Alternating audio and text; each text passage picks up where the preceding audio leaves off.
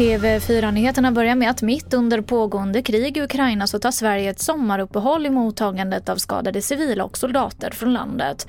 Och det här beslutet kritiseras nu av Region Stockholm som menar att vården har kapacitet att fortsätta även under semestertider. Nicole Silverstolpe är Ukraina-samordnare på Region Stockholm. Jag tycker att det var en oroväckande signal att sända. Eh, det pågår ett krig i vårt närområde eh, och kriget tar inte paus över sommaren. Eh, och då känns det konstigt att vi inte fortsätter ta emot de patienter som behöver komma till oss. I mars häktades en känd svensk artist misstänkt för grovt penningtvättsbrott och idag åtalades han i tingsrätten.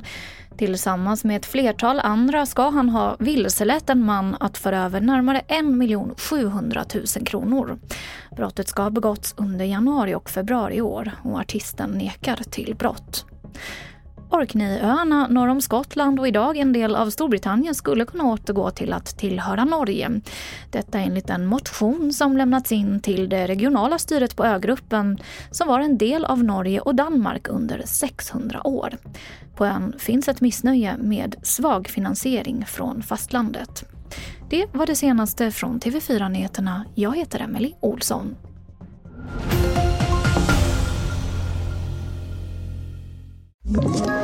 Ett poddtips från Podplay. I podden Något Kaiko garanterar östgötarna Brutti och jag, Davva, dig en stor dos skratt. Där följer jag pladask för köttätandet igen. Man är lite som en jävla vampyr. Man har fått lite blodsmak och då måste man ha mer. Udda spaningar, fängslande anekdoter och en och annan arg rant. Jag måste ha mitt kaffe på morgonen för annars är jag ingen trevlig människa. Då är du ingen trevlig människa, punkt. Något Kaiko, hör du på Podplay. Därför är gardinerna.